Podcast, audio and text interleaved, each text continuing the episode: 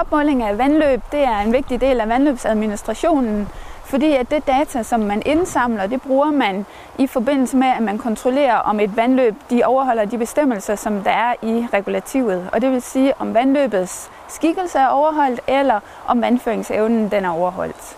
Og for landmænd, som har marker ned til et øh, vandløb, der er det vigtigt i forbindelse med, at man gerne vil have en god afvanding. I dag der opmåler man et øh, vandløb ved, at man ligesom måler et tværsnit, og så går man cirka 100 meter længere ned, og så måler man et nyt tværsnit. Men der er nye teknologier øh, og metoder på vej, som man, hvor man i stedet for øh, tværsnit faktisk kan få et sådan fuld 3D-opmåling af vandløbet og brænker og de omkringliggende arealer. Øhm, og det er interessant i og med, at, øh, at vi så får, får meget bedre datasæt, samtidig med, at de her metoder også kan give os mere data og mere information.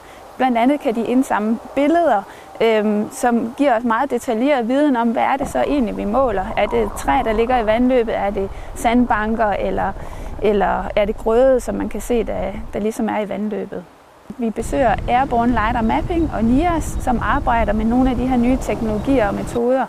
Øhm, og vi er interesseret i at kigge på, hvilke potentiale det har i forhold til opmåling af vandløb, kontrol af vandløb, og også om der er potentiale for at bruge det i vandløbsadministrationen fremadrettet.